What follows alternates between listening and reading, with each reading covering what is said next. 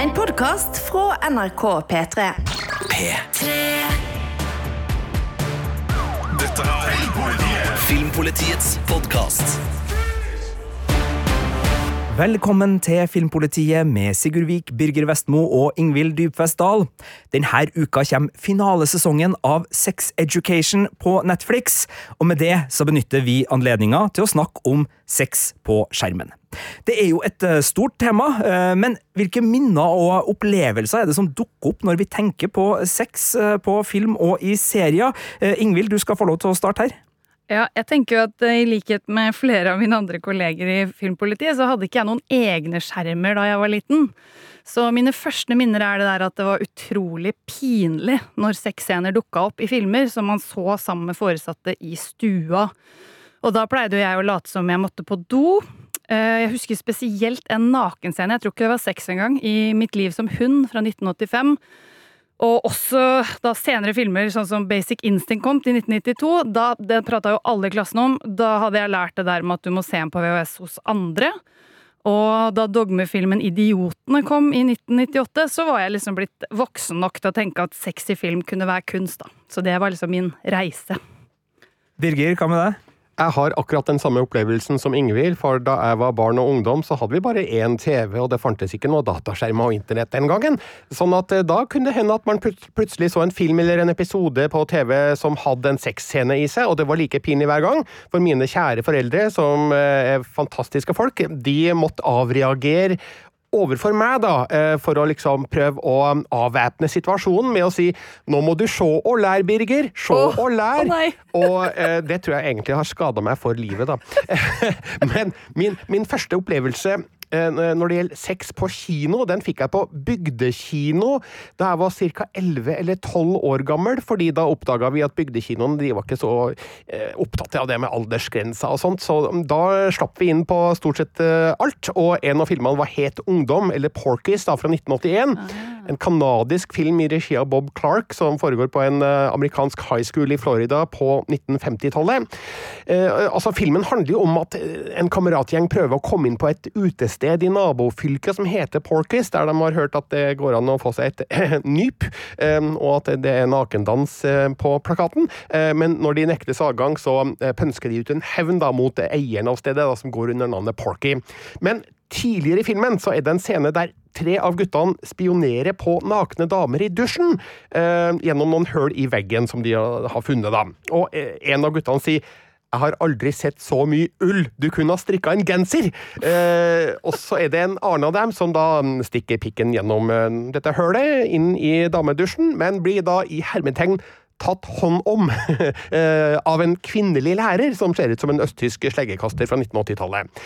Det var ustyrtelig morsomt å se det her da jeg var 11-12 år gammel i en kinosal full av andre overveiende gutter. Ikke minst fordi at denne dusjscenen med de nakne jentene varer og varer og varer. Den er så lang at du skjønner jo at dette hadde aldri gått i dag. Eh, scenen ligger ute på YouTube, jeg så den nå før podkasten, og du verden. dette er en scene som eh, nok ville ha blitt eh, omdiskutert hvis den hadde tilhørt en moderne film. Men dette var altså da 1981, og het ungdom Porkies. Den var fabelaktig da, ikke sikker på om den er like morsom den gangen, da, men den står brent fast i mitt minne da, som mitt første møte med utstrakt nakenhet på film og ellers, fordi på den tida så var det, det var ikke så enkelt å ha tilgang til nakne damekropper i media. Det er eh, barndomsminner der. Jeg må jo sjøl innrømme at uh, Manndomsprøven, som filmen het på norsk, uh, The Graduate, uh, fra 1967, med Dustin Hoffman i hovedrollen, er nok den som har brent seg fast hos meg. Det var jo sånn at på, i min oppvekst Det at vi hadde filmer, gjorde at de filmene ble sett. Selv om det var tegnefilmene og actionfilmene jeg likte best av det som sto i hylla, så så man alt sammen, fordi det var jo ikke så veldig mange tilbud. Vi hadde én kanal, fikk etter hvert TV2 også, men da så man det. Og, og, og, jeg hadde jo ikke sånne store forventninger til at en film som het Manndomsprøven og så litt grå ut på, på omslaget, skulle være spesielt spennende, men det er jo da her Mrs. Robinson dukker opp, kjent da fra Simon Garfunkels låt Mrs. Robinson, og det er jo et soundtrack her som er helt fortreffelig, stappfullt av godbiter fra Simon and Garfunkel, men det handler jo da også om en uh, ung mann som blir forført av en eldre kvinne, denne Mrs. Robinson, og, der er det jo uh, også sex inne i bildet. Uh, ganske snedig sekvens, fordi det første sexscena i den filmen ender opp med at det på en måte glir over i en scene hvor Dustin Hoffman ligger i et basseng mens The Sound of uh, Silence-låta uh, går nesten i sin helhet, så det er en veldig sånn kunstferdig måte å framstille sex på, men den har liksom brent seg fast som et sånn tidlig minne av noe vovet uh, der på skjermen der hjemme i kjellerstuen i Klæbu. og så var det jo en del 80-tallsfilmer som du har vært inne på, Birger. Jeg husker også B-filmen Politirekruttene, en slags lavbudsjetts Politiskolen-film, som hadde en del ja, scener som gjorde seg, da, hvis man var nysgjerrig nysgjerrig på, på kropp og sånn i, i, i, tidlige minner. Så det var, var uh, starten. Men, men, vi er jo inne på noe her, Ingvild, fordi det er jo uh, forskjell på å, å, vise sex og vise sex, og av og til så får man jo scener der man får se det i sin helhet, og det er lite som uh, på en måte blir overlatt til fantasien, men uh, både Hollywood og andre filmnasjoner har jo uh, vært litt kreative når det gjelder å liksom framstille sex på film. Ja, Noe av det gøyeste jeg vet, er jo Alfred Hitchcock sine filmer. Jeg studerte de i min tid, og han hadde jo masse filmer da han dro fra Storbritannia til USA, som var underlagt Haze Code, eller PCA, altså Production Code Administration, som de store studioene fulgte fra 1934 til 1968. Og det Hitchcock gjorde der, var å legge en sånn avledningsmanøvre i manusene sine, for de leste gjennom manusene og liksom påpekte hva som var problematisk. Og han gjorde dette for å beholde de scenene han virkelig ville ha. Så han kunne eksempel i Rear Window så la han inn en toppløs kvinne som han kikka på, som han liksom han visste de kom til å henge seg opp i, men som han raskt kunne bare ta på en topp. Eller en mann som stadig kikka på postkort med nakne kvinner i To Catch a Thief, som han visste de kom til å henge seg opp i. Så han var en mester på å unngå dette. Men i nevnte To Catch a Thief fra 1955 så er det en scene med Carrie Grant og Grace Kelly på et hotellrom som eh, kutter til fyrverkeri. Som vi da kan gjette hva skulle indikere. Og det, den scenen ville PCA ha fjerna, men der sto Hitchcock på sitt. Og i North by Northwest fra 1959 så insisterte altså PCA på å legge til en scene der Cary Grant og Eva Marie Saint, som spilte hovedrollene, der de var gift på slutten. Men da hevna angivelig Hitchcock seg ved å legge til en scene på slutten der et tog kjører inn i tunnelen. Som vi da også kan gjette hva skulle indikere. Eh, og i avsnittet om sexy production code så sto det Ekteskapet og hjemmet som institusjon må holdes hellig. Overdreven og begjær, begjærlig kyssing, lidenskapelige omfavnelser, antydende stillinger og gester skal ikke vises. Og uoffisielt så var visst regelen for skjermkyss at de ikke kan vare over tre sekunder. Så det var en helt annen verden å leve i, da. Det er noe ganske annet enn det eh, både Hollywood og andre filmnasjoner har bydd på i seinere tid. Eh, Birger, du har jo sett en del eh, film opp igjennom. Er det noen andre eksempler du vil trekke fram på hvor eh, sexen har blitt noe som blir viktig for filmen? Ja, jeg må ta et veldig nylig eksempel som jeg så på filmfestivalen i Venezia, nemlig Poor Things av Jorgos Lantimos, som ennå ikke har hatt norgespremiere. Vi må vente helt til slutten av januar neste år for å se Poor Things, men det er verdt ventinga, for det er en fabelaktig fabel, der Emma Stone gjør en av sine beste og modigste roller. Og modig fordi at eh, det er mye kropp inne i bildet her, og mye sex. Eh, kanskje mer sex enn vi er vant til å se i en moderne film, for jeg føler at Hollywood har blitt litt mer forsiktig på det området, men eh, det er ikke tilfellet i Poor Things, i hvert fall. For Emma Stone spiller da ei dame som har blitt gjenoppliva på mystisk vis av en eh, vitenskapsmann, eh, spilt av William Dafoe. Eh, hun vekkes da til live uten noe kunnskap om livet og erfaringer som denne kroppen har gjort før, så hun må læres opp helt på nytt igjen om alt, og um, hun er som et blankt lerret. Og en av de tingene hun ganske snart oppdager, er jo sex. Eh, for det er jo et nytt og spennende prosjekt for denne dama, som kaster seg ut i det uten eh, noen som helst eh, mentale stengsler eller noe blygsel i det hele tatt. Slik at her opplever hun da seksualitet i all sin prakt på ulike måter, noe filmen viser eh, veldig åpent og veldig tydelig. Eh, blant annet så er det en, eh, en, en veldig morsom og, og sensuell scene, får en si, der eh, denne rollefiguren eh, Bella eh, oppdager hva man kan gjøre med et eple, for eksempel. Og det bringer jo minnene tilbake til et par andre filmer der eh, noen oppdager at eh, man kan bruke mat til så mangt. Eh, I American Pie fra 1999 så, så eh, har jo Jason Biggs eh, sex med en pai. Eh, litt usikker på hvordan det ville ha fungert i det virkelige liv. Det har jeg aldri prøvd, såpass kan jeg si. Og så har vi jo da Call Me By Your Name, da, der Timothy Chalamet har oppdager at fersken er en, god frukt. Er Det en frukt, er det ikke det? Eller er det en grønnsak? Jeg, tror det er en frukt. I hvert fall så er det en, en linje da mellom disse filmene, American Pie, Call Me By Your Name og Poor Things, som gjør at eh, de, de peker seg ut altså som noen av de mest sensuelle filmene på ulike måter, da, eh, skapt i løpet av de siste 25 åra. Det er 12. januar som er premieredatoen for dem som nå blir spent eh, på å se eh, hva eh, det her eplet kan gjøre. Vi skal jo snakke om sex education her nå i denne episoden, men det skal altså komme flere eksempler på sex på skjermen som har begeistra eller forvirra eller ja, gjort ting med oss tre i redaksjonen, så de kommer etterpå. Vi har to eksempler hver der, men nå er det altså på tide å få høre hvordan det står til med Sex Education på Netflix.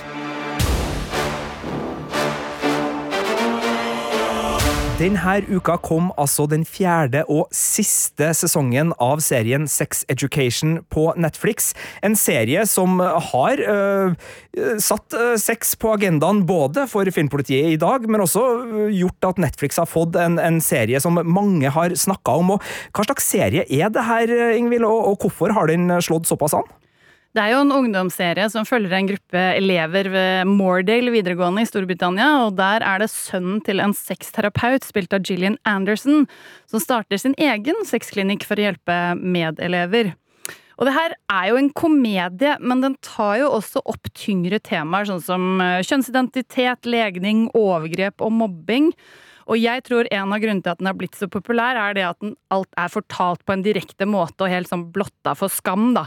Og en av seriens styrker helt siden starten er det at den driver og sjonglerer, riktignok masse sånn politisk korrekte ting, og tungt alvor, men med sånn leken kåtskap eh, som den hele tiden har. Og jeg tror det er noe av grunnen til at veldig mange unge som har hatt kleine timer med seksualundervisning på skolen, som i hvert fall jeg kan huske å ha hatt, eh, setter pris på at det kommer en serie. Og er ikke, det er jo ikke en terapeutisk serie på den måten at du her skal lære alt du ikke lærer på skolen, men den går så rett på ting da, og ufarliggjør ting. Eh, Så jeg tror det er en av grunnene til at den har blitt så populær.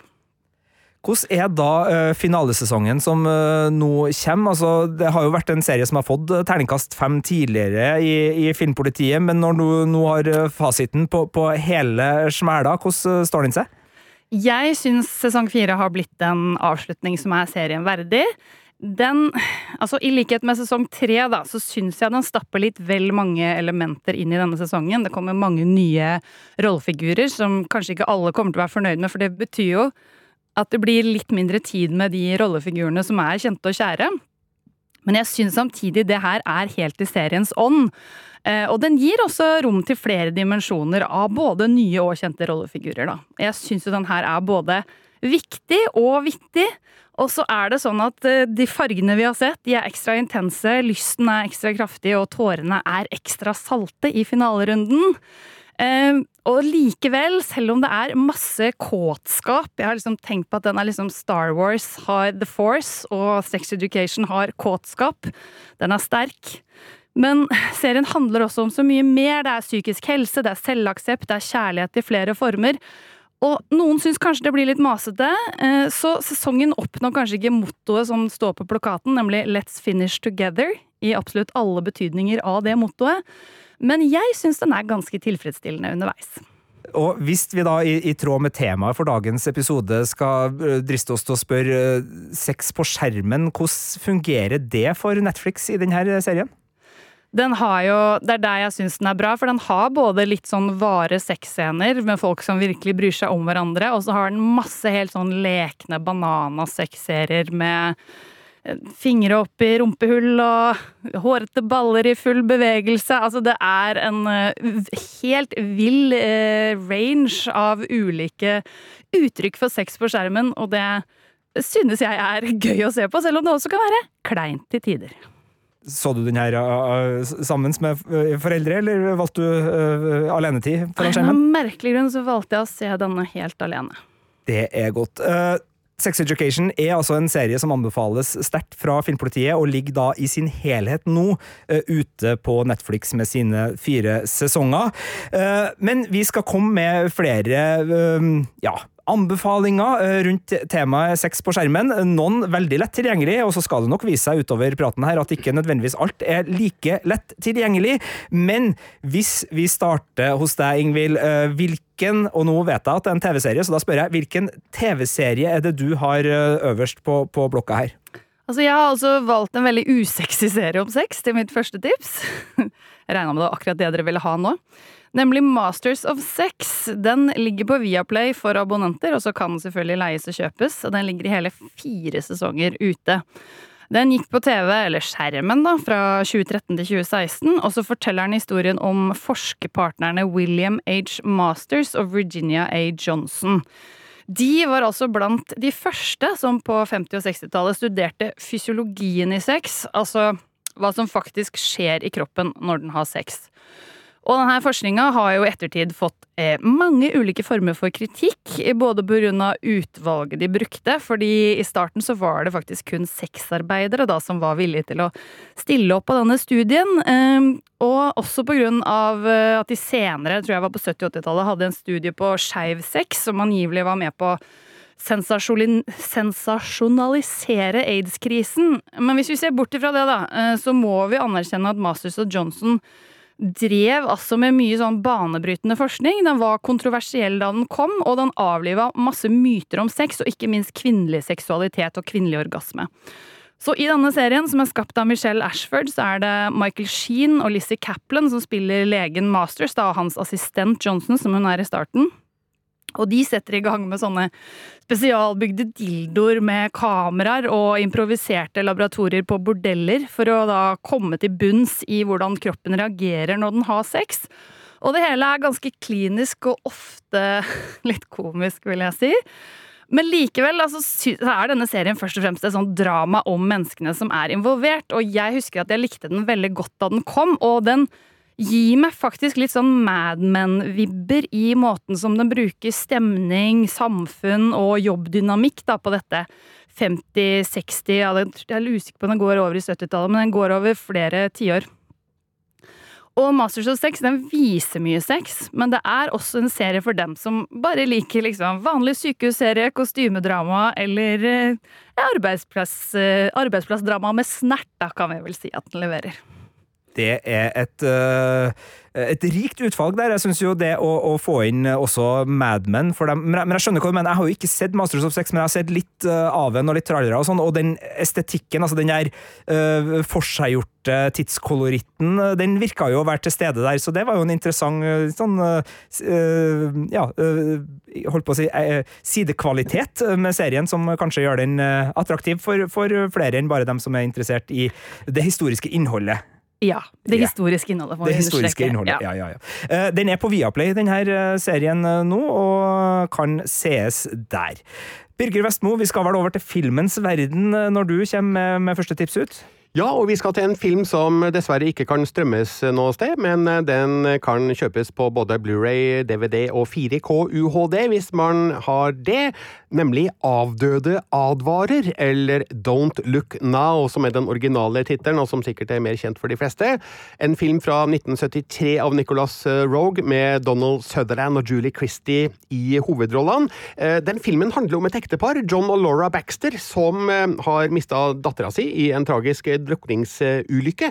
Så flytter de til Venezia, der John har fått jobben med å restaurere ei gammel kirke. Men i de mørke og tåkelagte gatene og kanalene så skjer det en rekke skumle og rare ting som eh, får dem til å tro at eh, dattera kanskje på en måte likevel er i live. For Laura møter da ei synsk eh, dame som påstår at hun kan få kontakt med dattera, mens John han får visjoner med ei lita jente i en rød regnjakke som ligner dattera, som går rundt i gatene i Venezia. Eh, en skummel film som eh, er godt gjort å være skummel, fordi jeg har jo vært i Venezia en del på filmfestival, og det er jo en nydelig by. Eh, så det å få eh, Venezia til å se skummel ut, det er en bragd, sjøl om når jeg har gått utafor de vanlige turistifiserte områdene på kveldstid, og det er mørkt rundt, så skjønner jeg jo at ja, det går an å lage en skummel film her, ja. Eh, men i hvert fall. Eh, Cirka midtveis i Don't Look Now så ser vi dem ha sex på hotellrommet sitt før de skal ut og spise middag. Og den sexscena virker veldig autentisk og på ingen måte simulert. Og det var uvanlig kost på den tida, altså 1973, så spørsmålet ble selvfølgelig stilt den gangen. Gjorde de det på ekte, eller ikke? For så saftig og sannferdig virka sexen nemlig å være. Eh, journalisten Peter Barth, som eh, er mest kjent fra bransjebladet Variety, han jobba da i 1973 for filmselskapet Paramount Pictures. Han besøkte filmsettet, og han beskrev innspillinga i eh, sin memoarbok som heter Infamous Players, A Tale of Movies, The Mob and Sex, som kom i 2011. Og der skrev han at for han så virka det som at skuespillerne ikke spilt, men at de faktisk pult på kamera. Det her har både Donald Sutherland og Julie Christie avkrefta. Sutherland sier til og med at Peter Bark ikke Peter Bart ikke engang var i rommet da scenen ble innspilt, men uh, scenen den er heit som bare det, og et, et, godt eksempel på hvordan sex mellom en mann og kvinne kan skildres på en uh, veldig ekte og fin og sannferdig måte. Så det her uh, er en film jeg absolutt anbefaler, ikke bare fordi den har en veldig god sexscene, men også fordi at den er skikkelig, skikkelig skummel. den slippes faktisk i en jubileumsutgave på Blu-ray og DVD 9. oktober, og så er den også sluppet på 4K UHD, som kan bestilles allerede nå, men eh, den kan altså ikke strømmes, eh, dessverre. Det er en uh, film jeg tror jeg stifta bekjentskap med i kinomørket på Cinemateket da de viste den. Og jeg husker den jo først og fremst som en sånn vemodig og skummel sak. Ja, men uh, ja, hvis jeg skal se den igjen, Birger, da skal jeg uh, legge mer merke til den scenen du nevnte der. Vi skal holde oss i filmens eh, verden og uh, over i det pornografiske. Altså, vi skal ikke snakke om eh, pornofilm i denne podkasten eksplisitt, men Boogie Nights fra 1997 av Paul Thomas Anderson, den handler jo om pornoindustrien på 70-tallet i USA, og det her er jo en av mine favorittfilmer, både fordi det er en glimrende film av Paul Thomas Anderson, uh, også fordi det er en av Burt Reynolds sine beste roller. Han gjør en eh, formidabel figur her, og ble også Oscar-nominert eh, for den, som en litt aldrende filmskaper av eh, ja, pornofilm. Og så er det jo også jeg vet ikke om det er helt riktig å si at det er gjennombruddet til Mark Walberg, men det er en del av gjennombruddet til Mark Walberg som seriøs skuespiller, da han i rollen som Dirk Diggler ja da, dere hørte riktig. Navnet var Dirk Diggler. Uh, slår seg opp som en ung og lovende pornostjerne på 70-tallet, med en penis av anselig størrelse. Og det er jo mye sex i denne filmen, og den problematiserer på alle vis også uh, pornoindustrien. Og det er jo en grunn til at intimitetskoordinator er vel ordet som, som nå dukker opp i, i filminnspillinga, for det, det er jo vanskelig, det her skillet mellom kunsten og utførelsen på flere områder, også når det gjelder sex eh, i innspilling, men, men her er det da eh, et, et filmcrew som eh, ja er både opptatt av uh, at det skal bli litt handling i filmene og sånn etter hvert, men de er jo også opptatt av uh, å få uh, filmer som kan selges kjapt ut til et bredt publikum i sånne teater, hvor det kan hende at publikum også masturberte litt underveis under filmene.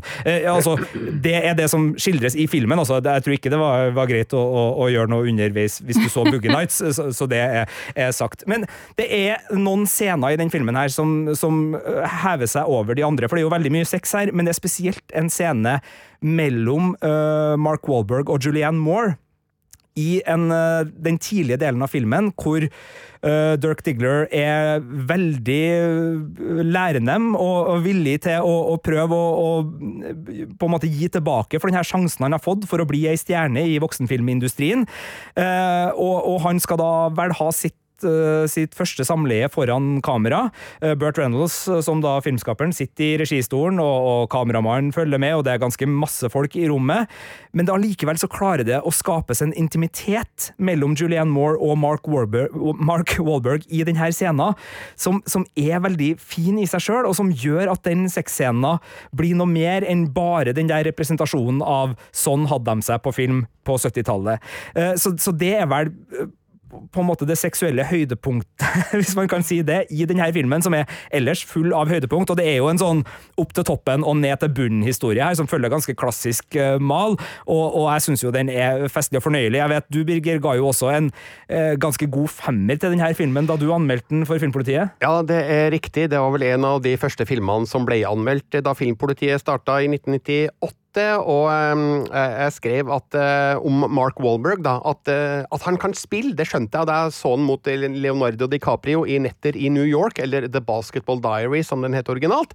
Og jeg syns at han er bokstavelig talt stor i rollen som Dirk Diggler, og det var jo et pek til uh, noe vi får se i løpet av filmen. som jo- Protese kan vi vel gjøre. ja, vi, vi var jo ikke sikre på, sikre på det på den eh, tida, da, om eh, var det en protese, eller var det ikke? Eh, For eh, det var vel kanskje et bilde som Wahlberg og produksjonen ønska vi skulle ha i bakhodet når vi så filmen. Det har vel blitt bekrefta i ettertid at det, ja, det var en protese, men den, den så veldig livaktig ut, da. Eh, Men han var stor, som Dirk eh, Diggler eh, på alle måter, og eh, heldigvis så har det jo vist seg at Wahlberg eh, har jo fått en lang og fin karriere etter Boogie Nights også.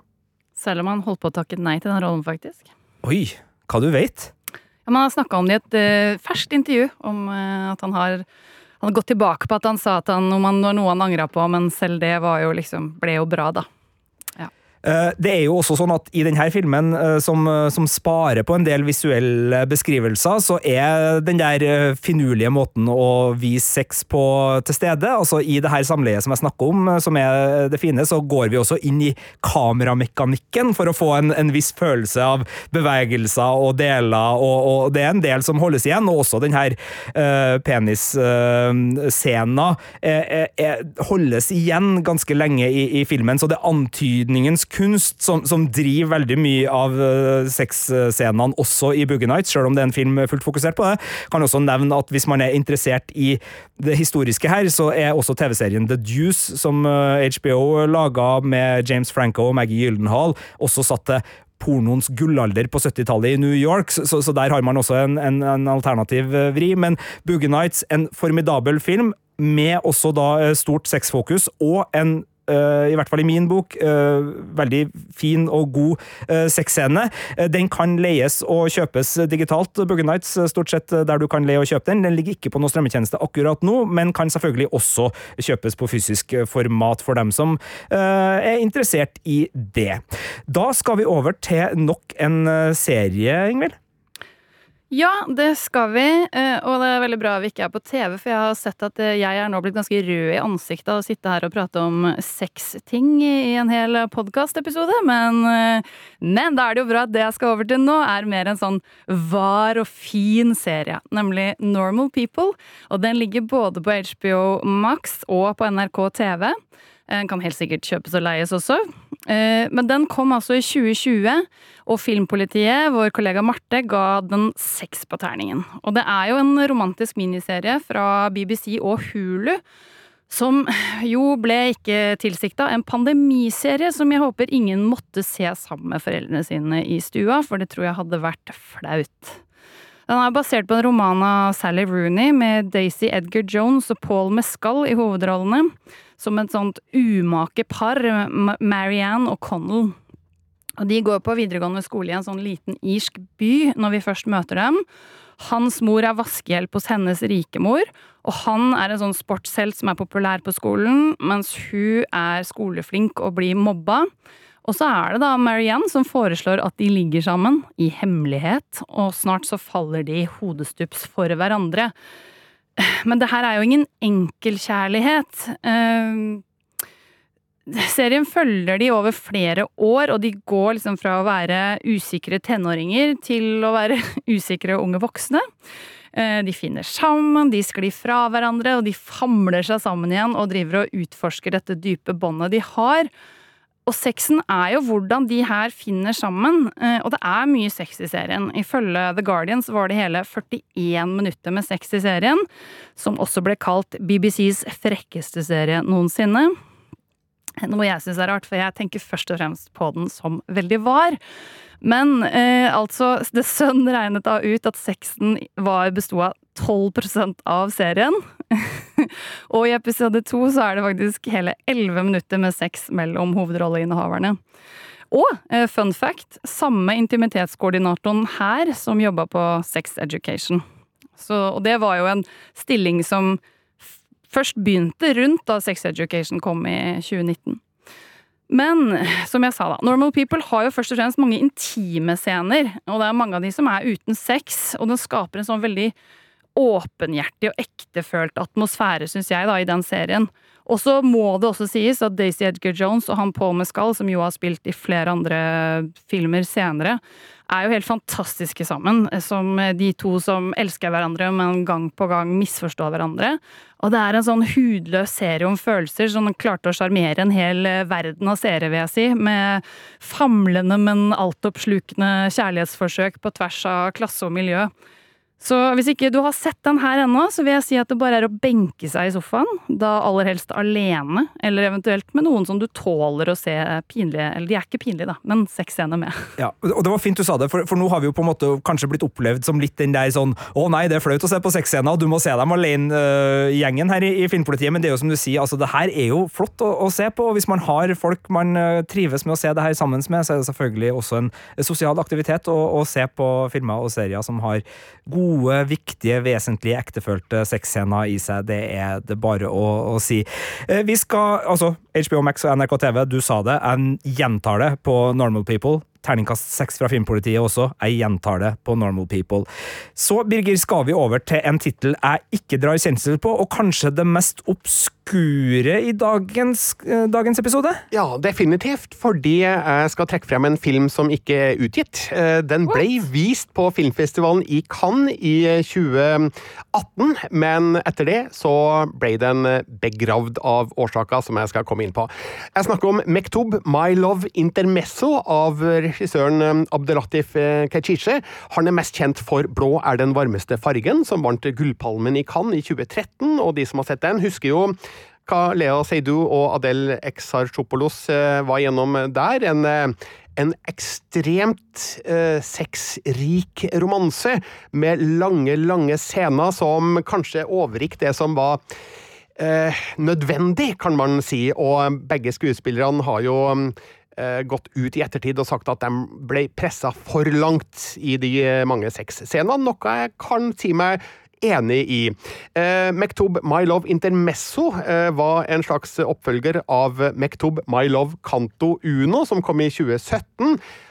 Og den ble veldig kontroversiell etter at den ble vist da. Eh, På filmfestivalen i Cannes i 2018. En anonym kilde gikk nemlig ut i den franske avisa Midi Libre og påsto at Regissøren skal ha skjenka full skuespilleren eh, Ophelie Bau for at hun skulle gjennomføre en eh, ikke-simulert sexscene.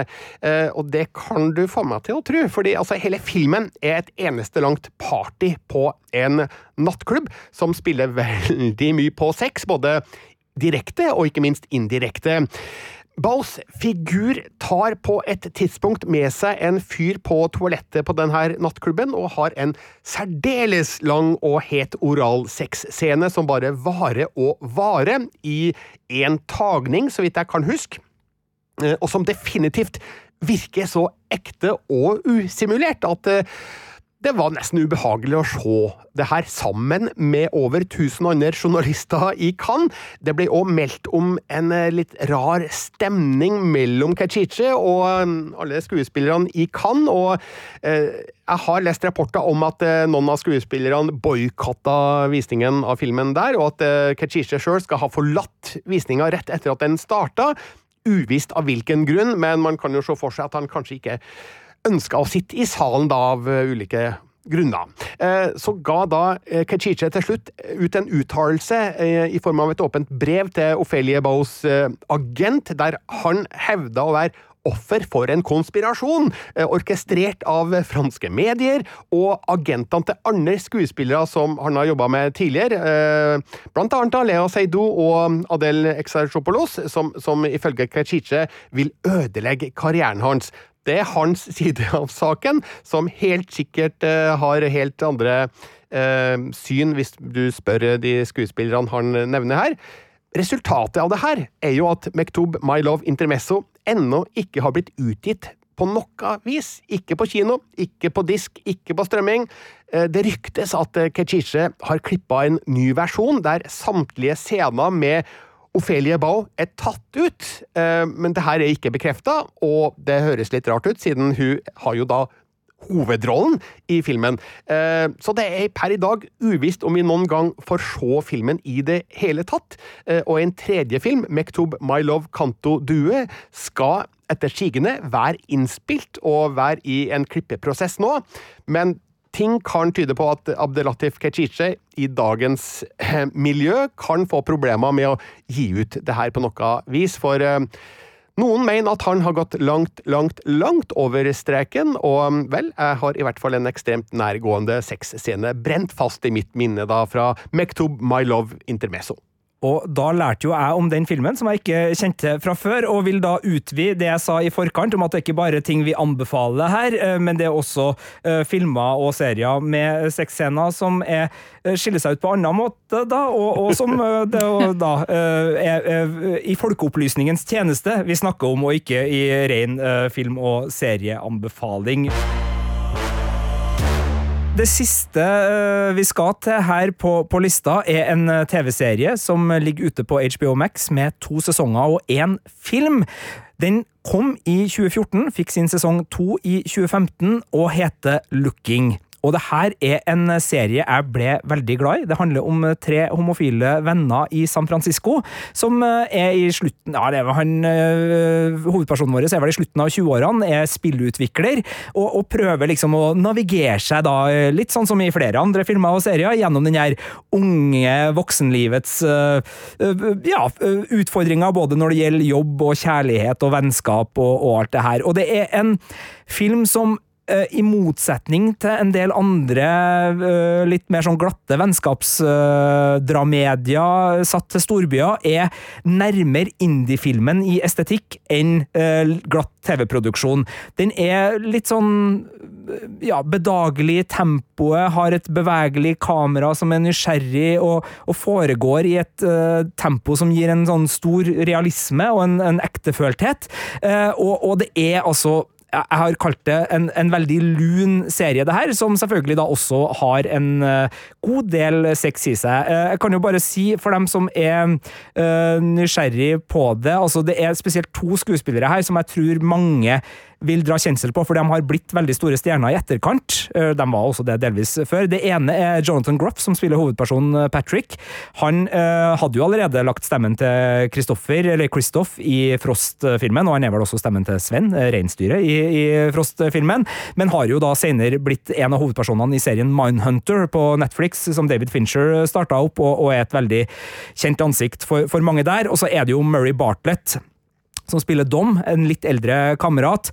Eh, han har jo i senere tid, eh, spesielt da i sesong én av eh, White Lotus, den her HBO Max-serien som har gjort det veldig bra, og som har fått veldig mye skryt av oss i Filmpolitiet, og ikke minst også i den her fantastiske Var det episode tre av Ja. The Last of Us? Den legendariske episode Altså, tre. den episoden. den episoden. Og, og her er han også helt fantastisk. Det er også Johnson Groff og, og også Frankie J. Alvarez, som spiller da den tredje kameraten Augustin. De tre er veldig ulike personer, men de har liksom eh, sine ting gjennom San Francisco som gjør dem interessante å følge på hver sin front. Altså, Dom, spilt av Murray Bartlett, han prøver å starte sin egen restaurant. Patrick, eh, spilt av Johnson Groff, prøver da å få spillutviklerkarrieren sin på beina. Og så er da eh, Augustin, spilt av Frankie Alvarez, en ganske sånn egoistisk og til tider ganske ufordragelig fyr, som allikevel er god på bunn, og som utover i sesongene har en veldig fin eh, historieark, da, som, som, gjør også han til en eh, fin person. Og sexen her er overalt. Altså, den spenner fra liksom one night stands til runking foran skjermen eh, på internettporno, til ja, eh, oppsøking av steder hvor sex står i fokus, f.eks. noe badstuemiljø i San Francisco.